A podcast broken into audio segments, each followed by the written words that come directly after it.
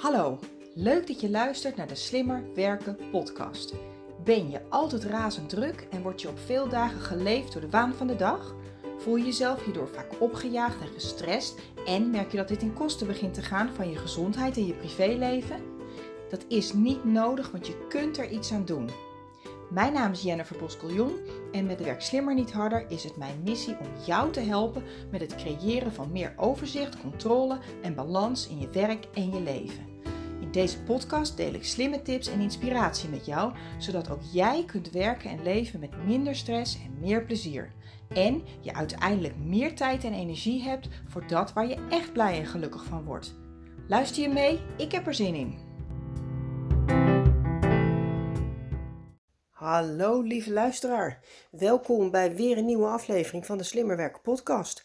Zoals je hoort ben ik een beetje krakend, want ik ben ontzettend verkouden sinds een paar dagen. Zoals volgens mij half Nederland op dit moment. Ehm, en ik heb het 1, 2 dagen uitgesteld en ik dacht ja ik kan het nu wel weer uitstellen en dan ga ik het morgen of overmorgen opnemen. Maar ik had nu het idee, ik heb nu de inspiratie, dus ik kies ervoor om toch op dit moment deze podcast op te nemen. Want ik vind dat ik een hele waardevolle aflevering voor je heb. Uh, dus alvast mijn excuses. Uh, af en toe zal ik mijn neus ophalen. En uh, nou ja, misschien dat ik af en toe eventjes een hoesje laat, laat vallen. Ik zal hem even op stop zetten. Of misschien even een stokje water nemen. Dus misschien zal ik wat extra pauzes nemen. Maar bij deze hoop ik dat je het onderwerp interessant genoeg vindt om daar doorheen te luisteren. Um, waar ga ik het over hebben? Ik ga het hebben over fouten.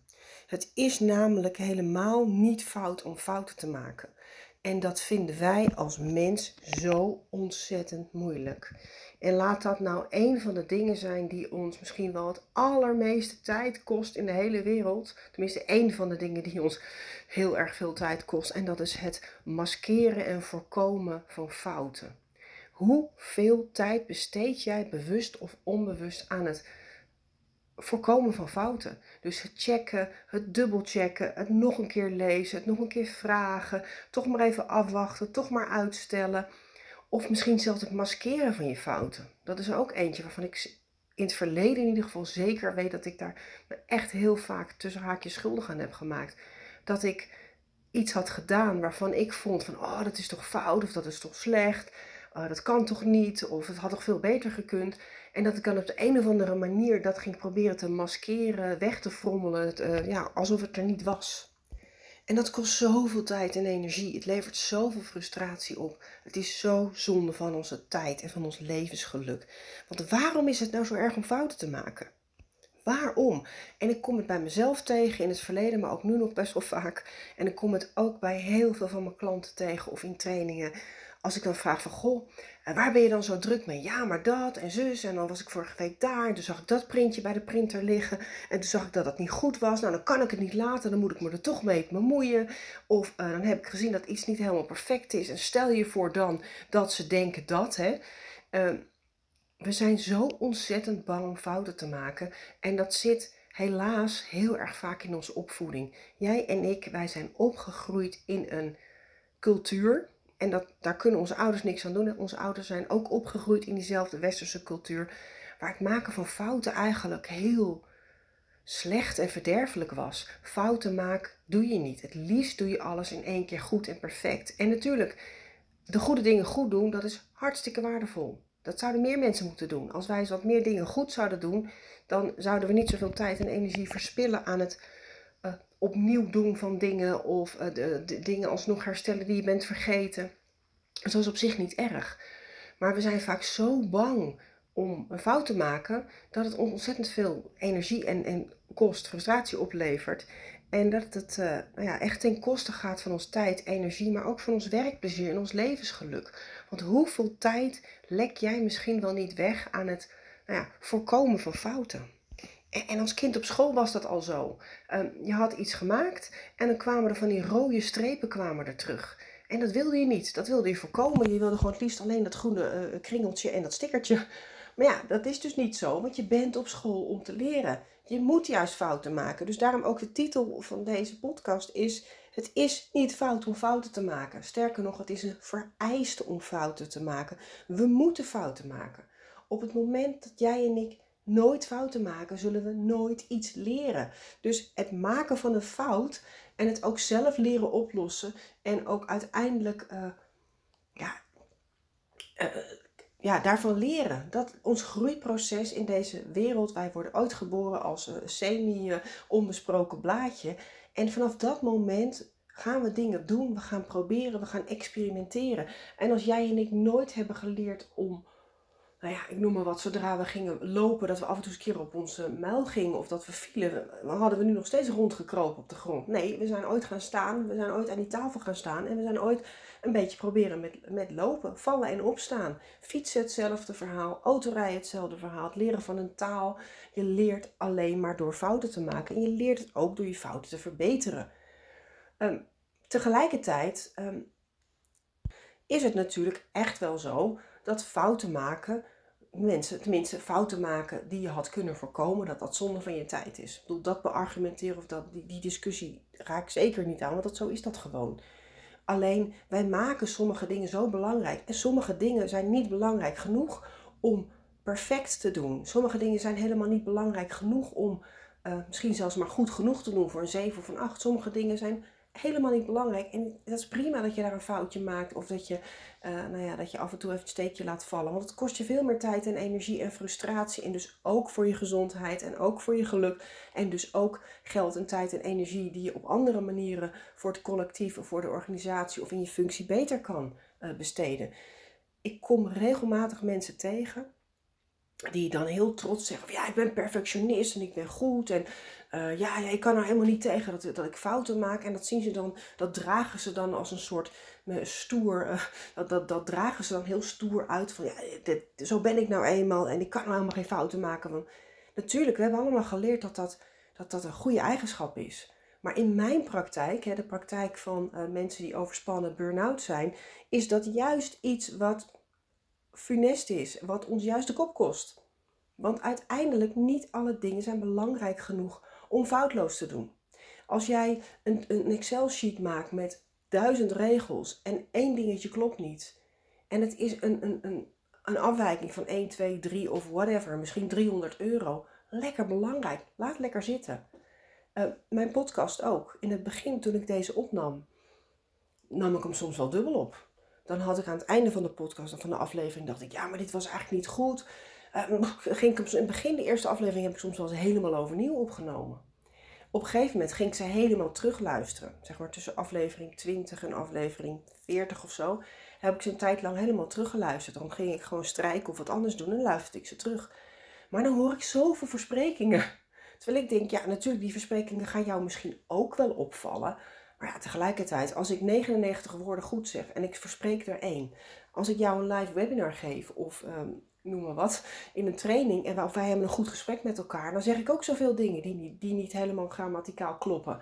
Of die niet helemaal lopen. Of dat ik mijn zin niet helemaal goed afmaak. Dus ik kijk sowieso veel kritischer naar mijn eigen werk dan een ander dat doet. En als jij ook kritisch bent op mij en je vindt het niet fijn om naar mij te luisteren, heb ik inmiddels geaccepteerd, dan luister je niet naar mij. Want dat, ja, ik bedoel, je vindt me leuk of aardig of competent of interessant wat ik vertel of niet. En zo niet, dan haak je af. En dat is echt iets uh, waar, wat ik steeds beter heb leren relativeren. Maar ja, in ieder geval die fouten, die, rode strepen in het schriftje, we hebben het nou eenmaal zo ingebakken en ingehamerd gekregen dat we fouten niet mogen maken. Maar fouten zijn super waardevol. Um, en heel veel van onze werkdruk veroorzaken we hiermee zelf. We veroorzaken zelf dat we misschien wel 10, 20 procent, misschien wel 30 procent drukker, afhankelijk van je karakter, drukker zijn dan dat we eigenlijk zouden hoeven zijn, omdat we ons bemoeien met dingen die of helemaal niet van ons zijn, of uh, dingen gewoon niet fout kunnen laten gaan. Um, een van de dingen waar ik mijn uh, trainings- of coach klanten uh, toe uitdaag, als ze, als ze heel stoer, hè, als ze dan heel, ja, nou, stoer is misschien een beetje, um, Stoer is misschien een beetje een groot woord, maar heel veel mensen zijn er toch wel een soort van een beetje trots op. En dan zeg ik, oké, maar hoeveel tijd kost? Ja, eigenlijk zou ik het niet zo vaak moeten doen of eigenlijk doe ik het veel te veel. Dan daag ik ze uit om eens even te kijken, te oefenen met iets gecontroleerd fouten te laten gaan. Dus er zijn dingetjes waarvan je weet van, joh, als ik me niet mee bemoei, of je ziet een foutje, een kommaatje of een woord, Hoe erg is dat?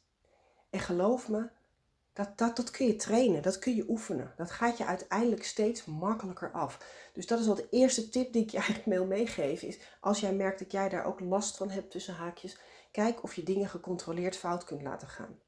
Ik kon het in het begin ook niet aanzien hier in mijn gezin. Als er bijvoorbeeld een dochter de gymspullen vergeten was. Of uh, ja, noem maar wat, de brood weer in de koelkast lag. En dan, nou, dan kon ik dan deed ik morgens die koelkast over en dan, open, en dan waren ze al uh, op, op de fiets. En dan had ik nog de neiging om, onderweg naar mijn werk langs te rijden om nog dat broodzakje te, te geven. En nu denk ik achteraf, ja weet je wat het is?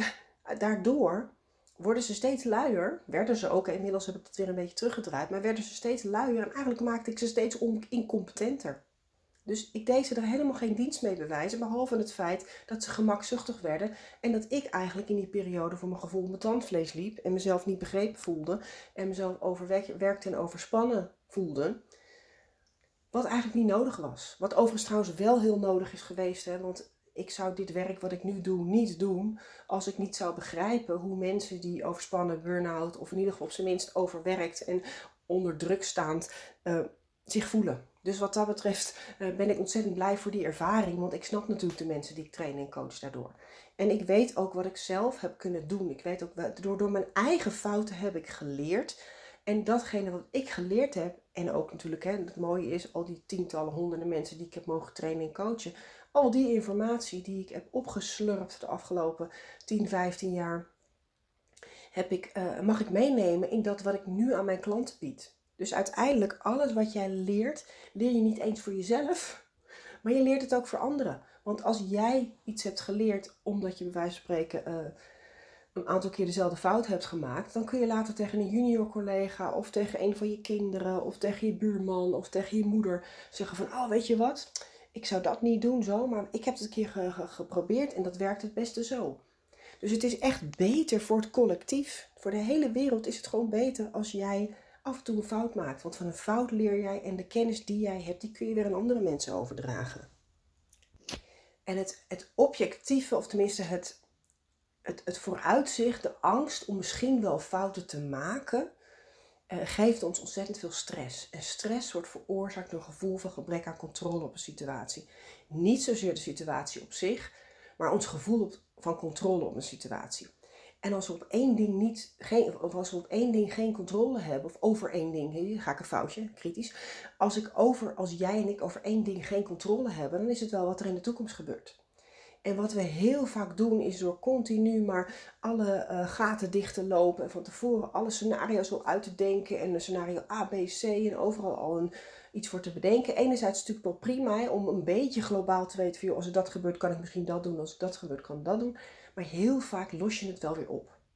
En fouten, ehm, ja, je kunt ze ook niet voorkomen. Want als je alle fouten zou voorkomen, dan zou je gewoon echt helemaal krampachtig, bij wijze van spreken, niks meer kunnen proberen. En ook de, de mooiste uitvindingen zijn ook gemaakt door mensen die, uh, die fouten maken. Het schijnt zo te zijn dat, ik noem maar wat, een, uh, hoe heet die man? Is dat niet Alexander Graham Bell? Maar ik haal ze door elkaar hoor. Ik ben niet zo, ik ben niet zo goed in geschiedenis en feiten. Maar de uitvinder van de gloeilamp, die heeft ook duizenden keren fouten gemaakt totdat hij op een keer op het idee kwam. Uh, Einstein heeft ook veel meer fouten gemaakt dan dat hij briljante dingen heeft bedacht. Nee, waarom? Omdat hij fouten, fouten, fouten, fout. En in je hoofd krijg je dan een soort database van alle dingen die fout zijn gegaan. En dat verwerk je dan weer, bewust of onbewust. Uh, het schijnt ook dat uh, Einstein s'nachts wel eens wakker werd en dan ineens een oplossing had voor een probleem. En zo werkt dat bij ons ook, want ons onderbewuste brein werkt ook door. En stress is echt, ja, mensen, even nog weer terug hè, naar stress. Af en toe ga ik ook alle kanten op. Uh, stress wordt veroorzaakt door gevoel van gebrek aan controle op een situatie. Daar heb ik de vorige aflevering al een half uur over volgekletst, dus daar zal ik je nu niet al te veel over vertellen. Um, maar de stress wordt niet veroorzaakt door de situatie zelf, maar jouw gedachten over de situatie. En onze angst om fouten te maken maakt dat we veel meer stress ervaren dan nodig is. Maakt dat je immuunsysteem op slot gaat en ook dat je IQ minder goed wordt. Want we zijn zo bezig met het focussen, hè? een soort kokervisie op dat probleem. Dus alle reden om te leren om fouten te maken. Om te accepteren dat fouten nodig zijn en ook vooral te realiseren dat het niet fout is om fouten te maken. Nou, wat kun je doen? Volgens mij heb je al best wel wat verteld. Maar het één ding wat je kunt doen, meten is weten, kennis is macht. Dus het allereerste wat ik je wil aanraden is dat je probeert je bewust te worden waarom je geen fouten van jezelf mag maken. Ik weet van mezelf, ik heb helemaal niet zulke kritische ouders. Helemaal niet. Dus ik ben niet opgegroeid met heel veel kritiek. Dus ik, ik kan op bepaalde vlakken kan ik mezelf zelfs heel gemakzuchtig noemen. Daar heb ik met mijn echtgenoot nog wel eens eh, wat woorden over vroeger. Want hij is namelijk anders opgevoed, eh, veel kritischer. Uh, maar wat ik bijvoorbeeld heel moeilijk vind, is als ik iets fout doe, dan krijg ik kritiek. En kritiek betekent dat mensen mij afkeuren. Dus bij mij is het zo dat ik geen fouten wil maken. Bijvoorbeeld, ik vind het verschrikkelijk als ik bijvoorbeeld een iemands naam verkeerd spel in de aanhef. Of als ik een datum vergeet of een datum niet goed aanpas in een mailtje. Uh, en dan denk ik, oh, wat zullen ze wel niet van mij denken? Dat voelt als afkeuring. Dat is het. Dus kritiek is voor mij afkeuring. Maar het kan ook zijn, ik had laatst een klant en die, uh, die heeft uh, ondernemende ouders en die heeft altijd in de zaak van haar ouders gewerkt. En zij krijgt continu kritiek van, jij bent, uh, jij werkt hier en wij zijn ondernemers en alles wat wij doen kost ons geld. En jij moet als dochter van de baas, moet jij het goede voorbeeld geven. Dus dat zijn allemaal dingen die we bewust of onbewust meenemen. Bij mij, ik neem bijvoorbeeld een hele, nou ja, uh, nou wat is het, een erfenis van mijn moeder over. Omdat mijn moeder, uh, die heeft geleerd in het huwelijk van haar ouders. Want die hadden namelijk wel heel vaak ruzie en conflict. Dat ze dacht van, maar dat wil ik niet. Dus ik heb geleerd om conflicten te vermijden, dat conflicten niet goed zijn. En bij mij, ik heb dat op een bepaalde manier uh, zo vertaald. Waarschijnlijk heb ik dus als kind bedacht van, oh ja, uh, als ik onaardig ben of als ik boos ben, dan wordt dat bij mij thuis afgekeurd. Van Jennifer, doe niet zo moeilijk, word niet zo boos. Nou, en mijn ouders worden natuurlijk ook niet zo snel boos op elkaar. Dus ik heb het gewoon niet geleerd. Dus als jij weet van jezelf wat dat patroon is, en dat ook misschien niet eens jouw patroon is, hè.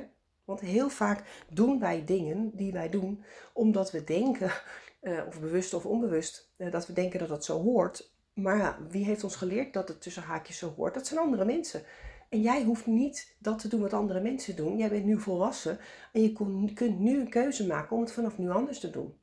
Dus als jij thuis hebt geleerd dat uh, je geen fouten mag maken, of dat je alleen maar met een 8, een 9 of een 10 thuis mag komen, want alles onder de 7 uh, ja, krijg je kritiek op.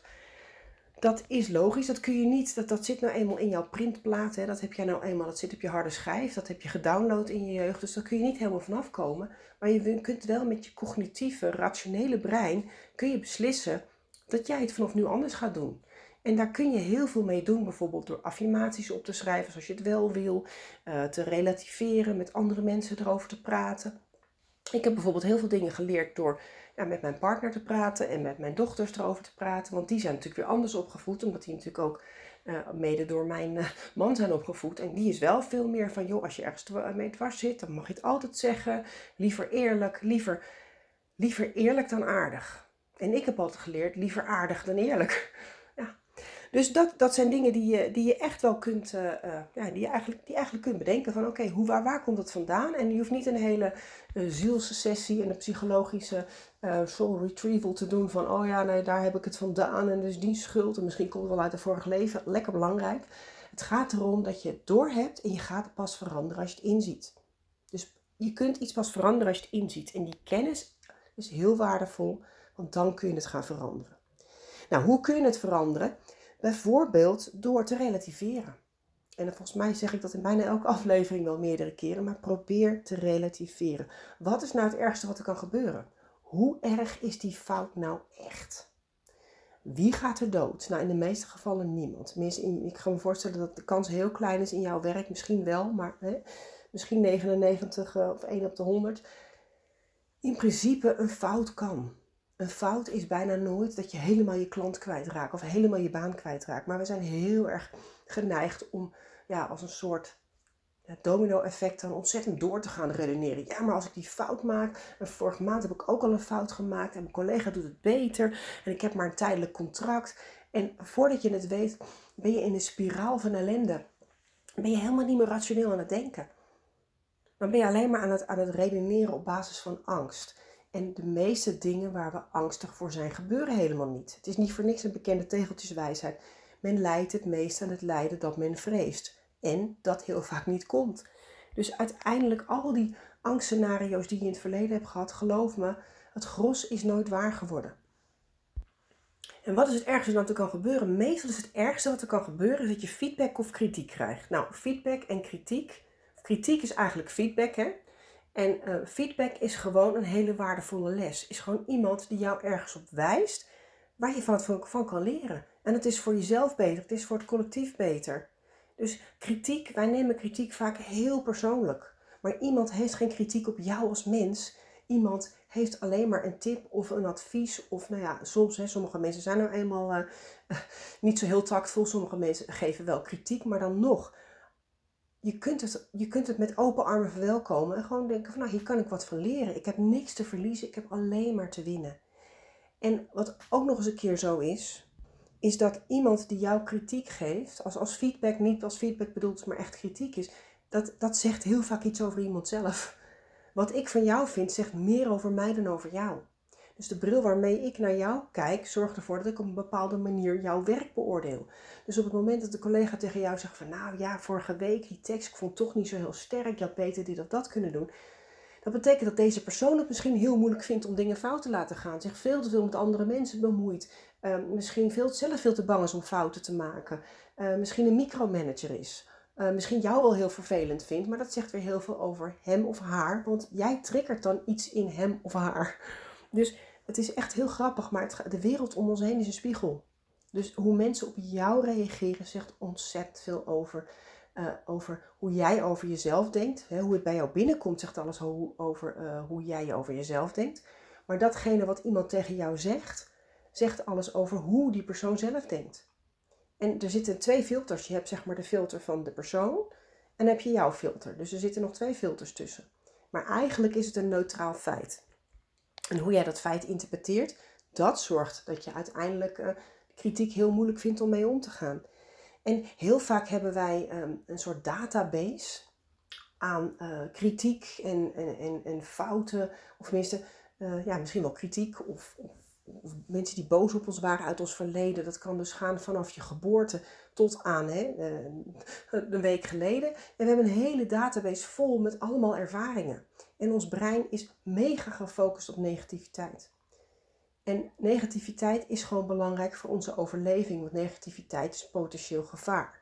En ons brein wil ons vooral veilig houden en niet zozeer gelukkig. Maar ik wil jou wel gelukkig houden. Dus vandaar, uiteindelijk zorg ervoor dat je dus, dat je dus realiseert dat feedback, kritiek op zich hartstikke waardevol is. Maar dat jij er kunt, ten eerste kunt kiezen wat je ermee doet. Je kunt het relativeren door te kijken van ga ik me er inderdaad door eh, laten beïnvloeden. En natuurlijk, je bent een mens, natuurlijk beïnvloedt het je. Maar wat bij mij ontzettend goed helpt, is, uh, uh, is er met iemand anders over praten. Iemand anders die er helemaal buiten staat. Ik had een tijdje geleden heb ik wat feedback gekregen in een training. En er waren een paar mensen gewoon niet zo aardig. Ze deden ook niet leuk mee. Het was gewoon heel. Het was, het was alsof er qua energie gewoon een streep in die groep stond. Links waren mensen super enthousiast en leuk en mee en positief. In het midden was het een beetje een half-half. En rechts, zeg maar, in die hoek was het gewoon echt alleen maar... Ja, maar, ja, maar, ja, maar dat kun je wel zeggen, maar, maar ik vind dit en jij zegt dat zomaar. En dat begon eigenlijk al in de eerste voorstelrondje. En aan het einde kreeg ik ook van een, één, met name één specifieke persoon, uh, kreeg ik wat negatieve uh, feedback. En daar had ik echt last van. En toen later, en dan kom ik thuis en dan ga ik het met mijn man bespreken. En de volgende dag uh, heb ik het met een vriendin van mij besproken. En toen dacht ik, ja, waar heb ik het eigenlijk op? Ten eerste, die mevrouw is voor mij niet belangrijk. Die mensen, ik zie ze één keer en daarna. En tegelijkertijd heb ik ook wel zoiets gehad van, uh, ik neem het ook te harte. Want de feedback die ik kreeg, daar zit dus blijkbaar, het raakt mij. Dus blijkbaar ben ik het ergens met ze eens. Anders had het mij niet zo geraakt. Dus ik ga er iets mee doen. Ik weet ook wat ik ermee ga doen.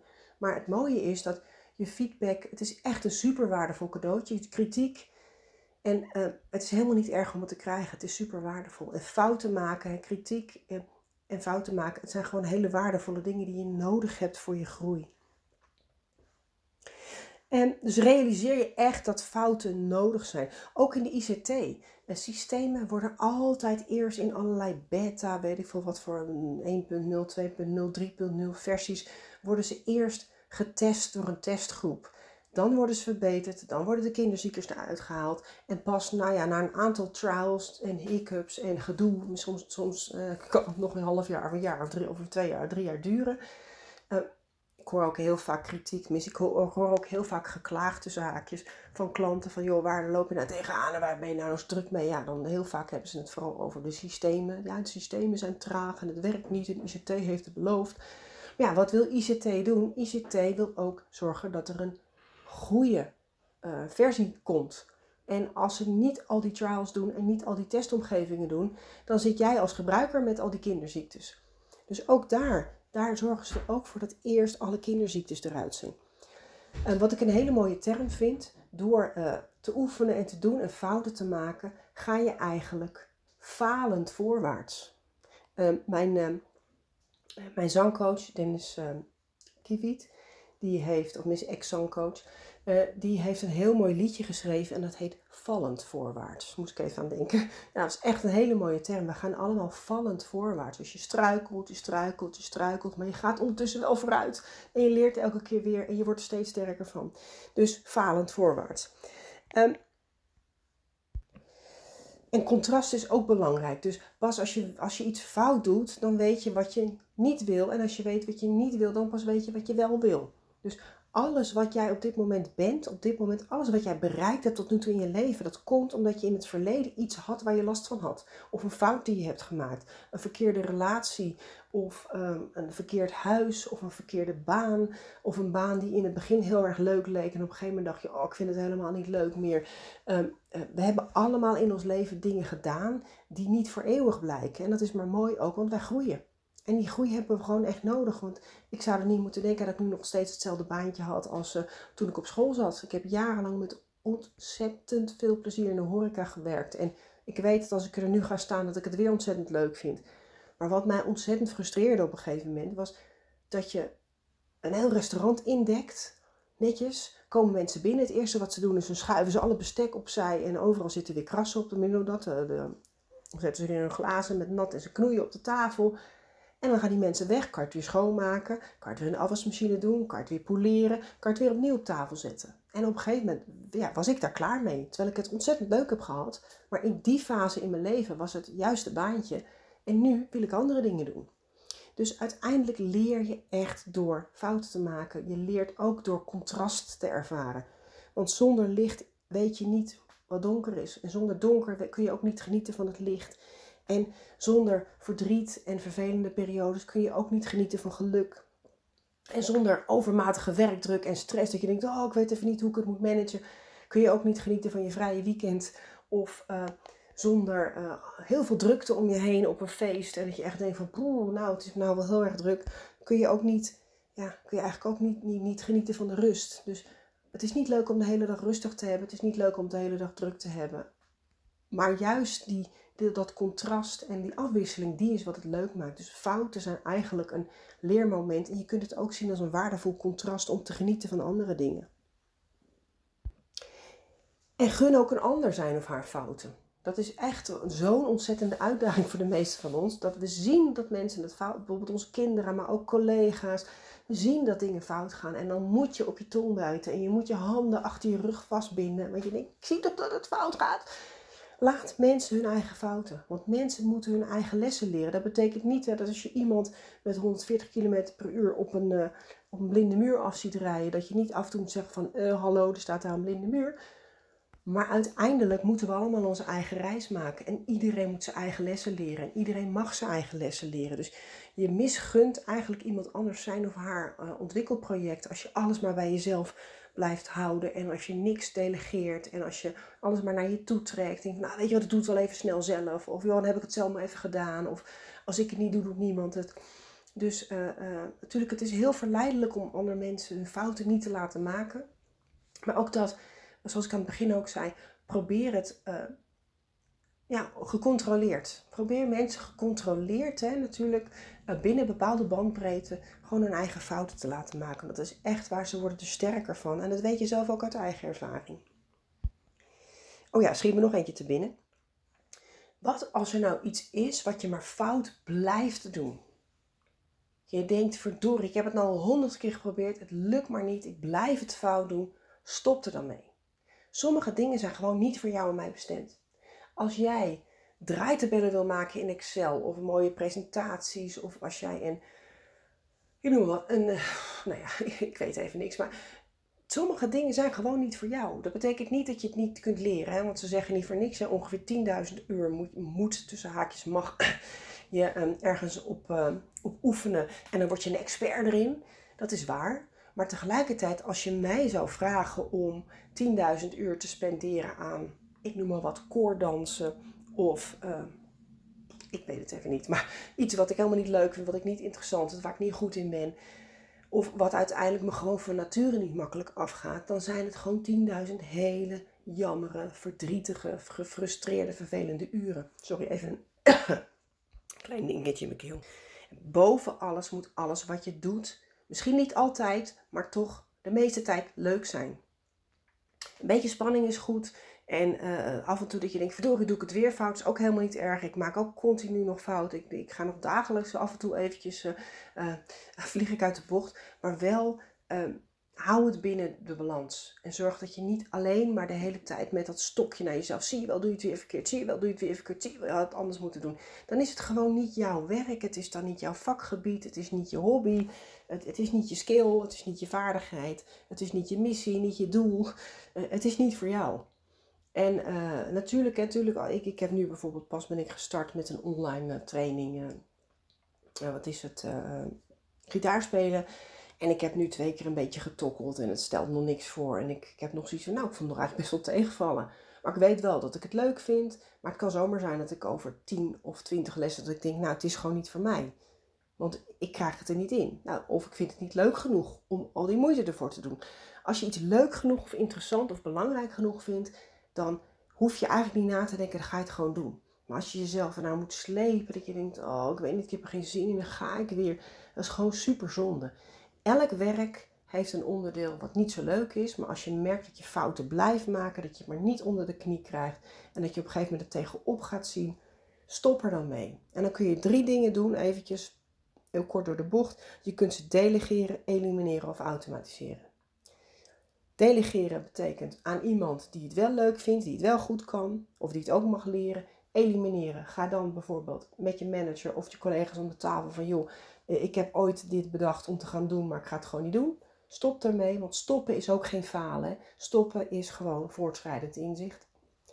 En uh, het laatste is automatiseren. En dat betekent, soms doen we dingen handmatig die we niet leuk vinden of lastig of moeilijk. Maar ga eens even met iemand om de tafel zitten of kijken of je even kunt googlen. Is er een manier waarop ik dit door het systeem kan laten doen, door mijn computer kan laten doen of door een app? Uh, dat kan echt de moeite waard zijn. Um, en dan als laatste, ik ga nu echt afronden, want ik ben toch weer over de 30 minuten, ondanks mijn verkoudheid en mijn nasale uh, geluid. Dus uh, dank je wel, heel sterk dat je tot nu toe nog hebt kunnen uithoren. koppel jezelf los van je resultaten. Een fout maken zegt niks over jou. Jij bent niet minder waardig als je een fout maakt. Jij bent een geweldig mens. Je bent een human being en je bent geen human doing. Je bent er gewoon om te zijn en je mag zijn wie je bent. Ons, jou, mijn eigen waarde zou niet af moeten mogen hangen van wat je doet. Natuurlijk, wat we doen, ons werk, ook wat ik doe. Hè? Het opnemen van deze podcast, alles wat ik doe met Werk Slimmer Niet Harder. Het is allemaal een onderdeel van mijn identiteit. Een onderdeel van mijn levensbestemming. Een onderdeel van mijn levensplezier, van mijn werkplezier. Natuurlijk wel. Maar tegelijkertijd, ik ben mijn werk niet. Ook al zit ik de hele dag op de bank, dan ben ik nog goed genoeg. Dat is een uitdaging, hè? Ik dit, ik heb, dit laatste punt vertel ik ook vooral aan mezelf. Maar fouten maken mag. En ehm, wat ik ook een hele waardevolle vind, die heb ik ook ooit zelfs een keer van iemand anders gehoord. En dacht ik, wauw, die is diep. Mensen zijn helemaal niet zo met jou en mij bezig. Ze zijn veel meer met zichzelf bezig. Mensen zijn helemaal niet erop uit om jou en mij onder, uh, onderuit te halen, om ons op onze fouten te wijzen, om ons een klote gevoel te geven. Helemaal niet. Mensen, mensen willen ook eigenlijk liever dat de mensen om, ze, om hen heen gelukkig en, uh, zijn en lekker in hun vel zitten. Niemand uh, is erop uit om, je en jou, om jou en mij een rotgevoel te geven. En onze fouten, echt, wij maken onszelf veel te belangrijk. Wij zijn helemaal niet zo belangrijk. onze fouten vallen heel veel mensen niet eens op. Een keer een komma of een punt. Of... En, en hoe zou jij er zelf over denken? Hoe zou jij zelf een vriend of goede vriend of vriendin die een fout maakt, dan zeg je toch ook van ja joh, wat maakt het uit? Joh, het lekker belangrijk, het is maar werk, niemand is met jou bezig. Joh, prima, je bent een hartstikke leuk mens. Dat ene foutje, je doet honderd dingen goed. En dat ene dingetje, hè, dus dat is ook een belangrijke, hou het altijd in perspectief. Ten eerste, hè, praat vaker tegen jezelf als je beste vriend of vriendin. Maar zorg er ook voor dat je het in perspectief houdt. Want als je honderd dingen goed, doen, goed doet, dat ene dingetje, geloof me, die andere mensen, ze merken misschien dat ene dingetje op. Ten eerste merken ze het niet altijd op. En als ze het wel opmerken, dan heb je nog 99 goede dingen gedaan. Dus we zijn veel te streng voor onszelf. Um, en de aller, allerlaatste, ik kan niet stoppen, er schiet me van alles te binnen. De aller, allerlaatste tip die ik je nog kan geven, stap in de tijdmachine. En daarmee bedoel ik, denk even na over vijf jaar. Dat waar je je nu zo ontzettend druk om maakt, die fout die je nu gemaakt hebt, die klant die nu misschien ontevreden is, die collega die gisteren eh, je een sneer heeft gegeven. Echt waar, over vijf jaar. Maak je er dan nog druk om? Hoe erg is het? Als het over vijf jaar niet meer belangrijk is, maak je er dan niet langer dan vijf minuten druk om. Of misschien maar één minuut. dat is de 5 keer 5 regel. Dus stap in de tijdmachine en zorg ervoor dat je uh, nou ja, eigenlijk even denkt van joh, maar hoe belangrijk is het echt? Dat helpt echt om te relativeren. Nou, ik ga hem afronden. Dan ga ik gelijk ook even mijn neus snuiten en een beetje water drinken. Ik dank je ontzettend voor het luisteren. Ik uh, uh, vond het toch weer een hartstikke leuke aflevering. Ik ben blij dat ik hem toch nu heb opgenomen, dat ik mezelf ertoe gezet heb. Um, heel veel succes en sterkte. En wat ik ontzettend leuk zou vinden, is als je mij een berichtje zou willen sturen. Bijvoorbeeld uh, op LinkedIn of via Instagram, werkslimmer. Uh, of jennifer.wsnh.nl. Ik vind het ontzettend leuk om te horen dat je luistert. En ik zou het ook heel leuk vinden om van jou te horen welke tip uh, je hebt kunnen toepassen in de praktijk. Nou, nogmaals heel erg bedankt en graag tot de volgende keer.